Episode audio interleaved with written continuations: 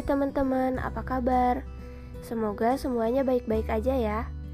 Jadi pada episode kali ini, aku bakal bahas tentang pendalaman administrasi penyuluhan. Jadi penyuluh agama merupakan suatu bidang pekerjaan yang menuntut keahlian tertentu. Penyuluh agama merupakan suatu profesi. Kenapa penyuluh agama dikatakan sebagai profesi? Penyuluh agama dikatakan sebagai profesi karena ia menuntut kualifikasi dan kompetensi. Penyuluh agama harus memiliki keahlian, kemampuan, keterampilan, dan pengetahuan di bidang penyuluhan agama. Sekurangnya ada dua keahlian yang harus dimiliki dan dikembangkan oleh penyuluh agama, yaitu keahlian substansif dan metodologis. Profesi penyuluh agama memiliki dua tugas, yaitu tugas agama dan tugas negara. Kita tidak bisa dikatakan sebagai seorang penyuluh agama jika hanya menjalankan tugas agama saja, karena kita tidak menjalankan tugas negara dan tidak digaji oleh negara. Penyuluh agama ini memiliki jenjang jabatan. Bidang jabatan penyuluh agama ini dibagi menjadi dua, yaitu penyuluh agama terampil dan penyuluh agama ahli. Penyuluh agama terampil dibagi ke dalam tiga bagian, yaitu penyuluh agama pelaksana, penyuluh agama pelaksana lanjutan, dan penyuluh agama penyelia.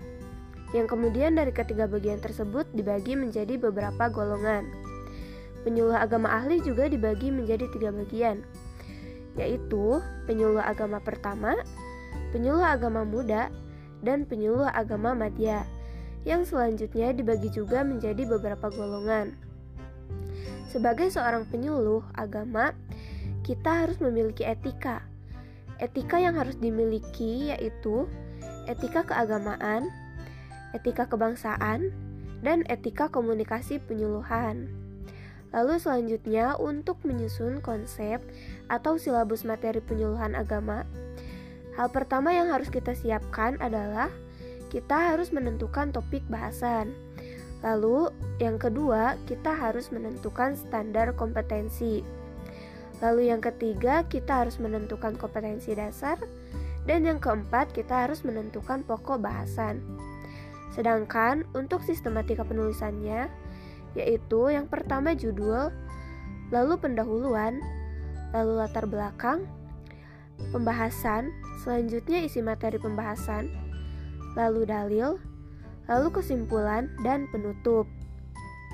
Selanjutnya terdapat tiga evaluasi dalam penyuluhan agama, yaitu yang pertama ada evaluasi program, yang kedua evaluasi proses, dan yang ketiga evaluasi hasil. Selain itu, terdapat juga empat teknik dalam evaluasi, yaitu yang pertama evaluasi partisipatif, yang kedua kuesioner, yang ketiga pengamatan, dan yang keempat wawancara. Nah, oke okay, teman-teman, sepertinya cukup itu saja yang mau aku bahas di episode kali ini.